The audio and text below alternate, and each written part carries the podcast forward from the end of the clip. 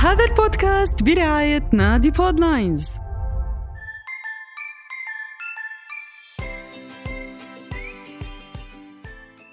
بدي نام مامي. يي تقبري قلبي نعسانة يا عمري.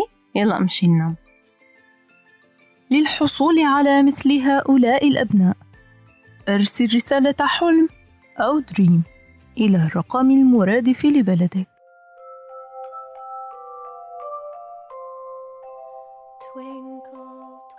أهلا وسهلا فيكم. معكم فاطمة الهندي ببودكاست يلا تنام بالتعاون مع نادي البودلاينز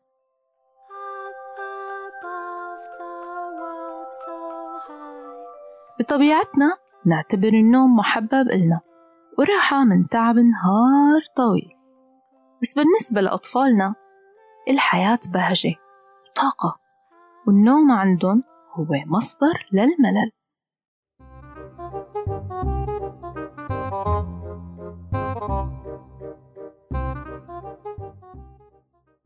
برمضان أغلبنا بيسهر للسحور وأكيد كلنا منواجه صعوبة بإنه نرجع نظبط نومنا بعد الشهر الفضيل.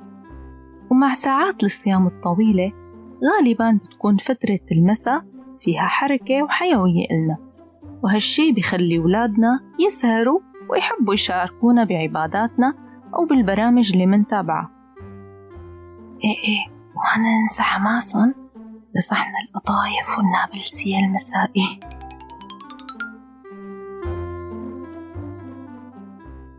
هي إذا ما نحن أجلنا لهم واجبات المدرسة لبعد الإفطار لنقدر نركز ونصحصح. الصراحة السهر مو مقبول غير بحبيبنا رمضان. ولحتى نحضر ولادنا لروتين بعد رمضان ونخلي النوم عندهم محبب قدر الإمكان. نصحنا الدكتور مأمون المبيض صاحب المنهج العملي للتربية النفسية والسلوكية. كتابه من الطفولة إلى الشباب. بكم قاعدة؟ إذا عملناهم رح نحس بفرق كبير. ونخفف علينا وعليهم.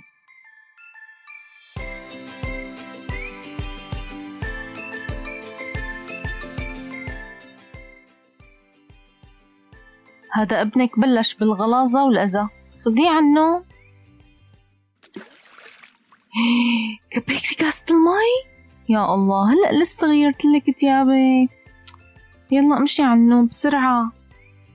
خلينا ما نستخدم موضوع النوم وسيلة للعقاب أو للتهديد.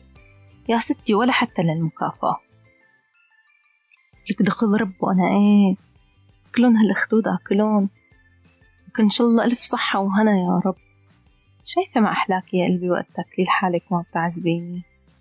خلص لأنك عن جد شطورة وكلتي نسهر اليوم ماشي؟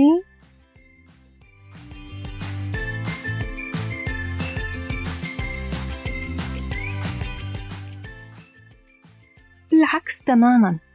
نحاول نخلي وقت النوم هو وقت السعادة. نخليهم يلعبوا بالمي وبحكاية قبل النوم. ونشوقهم للحكاية اللي ناطرتهم. ماما؟ يا حزرك شو صار شي للأرنب هو راكد على مدينة الألعاب؟ يا أنا واوا هون يا أنا بو يا أنا واوا هون بس إذا ابنكم طلع حافظ الحكاية عادي. حضروا له كل يوم قصة شكل. وأهم شي.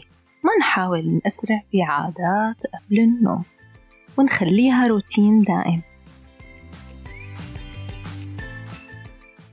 كتير من الأهل بفضلوا ما يكون في ألعاب بغرفة أولادهم لأنه رح يتشتت انتباههم ويشغلهم.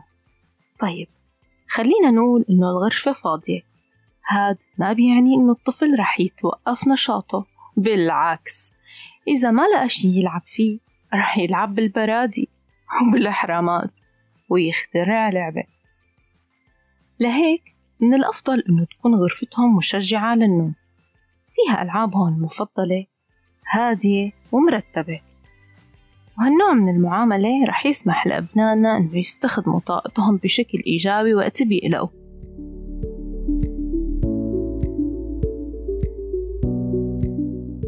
بعرف عم تقولوا ببالكم أحيانا نحطهم بالتخت وبيردوا بيقوموا.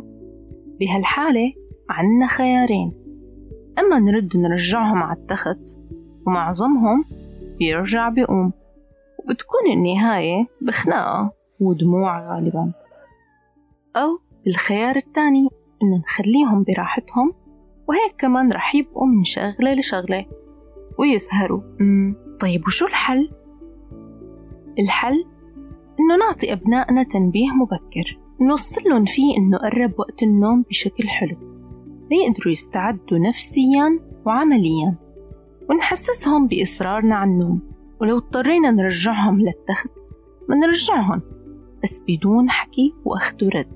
وفينا نبقى جنب الباب ليغفوا والأجدر إنه يكون في وقت معين للنوم.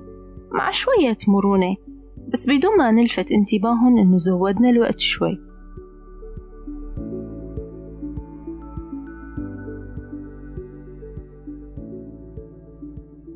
وقت نقرر نظبط لهم نومهم. ما نحاول ننيمهم بوقت أبكر بكتير من الوقت اللي متعودين عليه لأن هالشي رح يشجعهم يردوا يقوموا من التخت. والأطفال اللي بيعملوا هالأسلوب بيكونوا أطفال كلهم حيوية وخيالهم واسع وبحبوا يستغلوا طاقتهم دائما.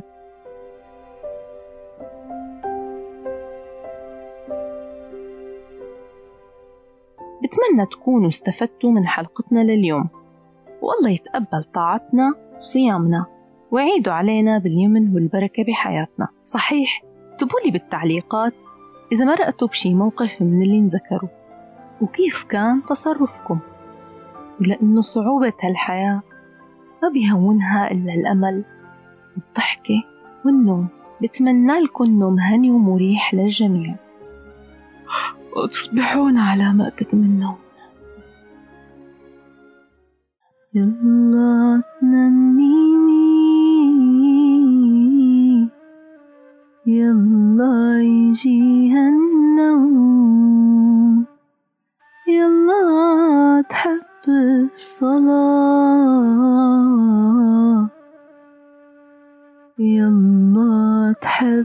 الصوم يلا تجيها العوافي كل يوم بيوم اثنين ثلاثة أكشن يلا ننام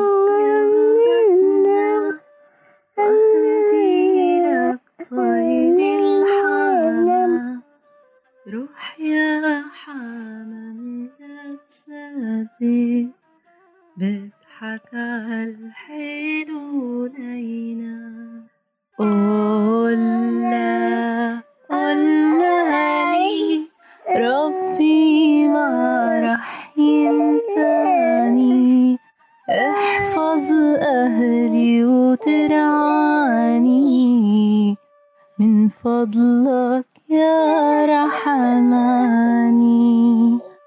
من فضلك يا رحماني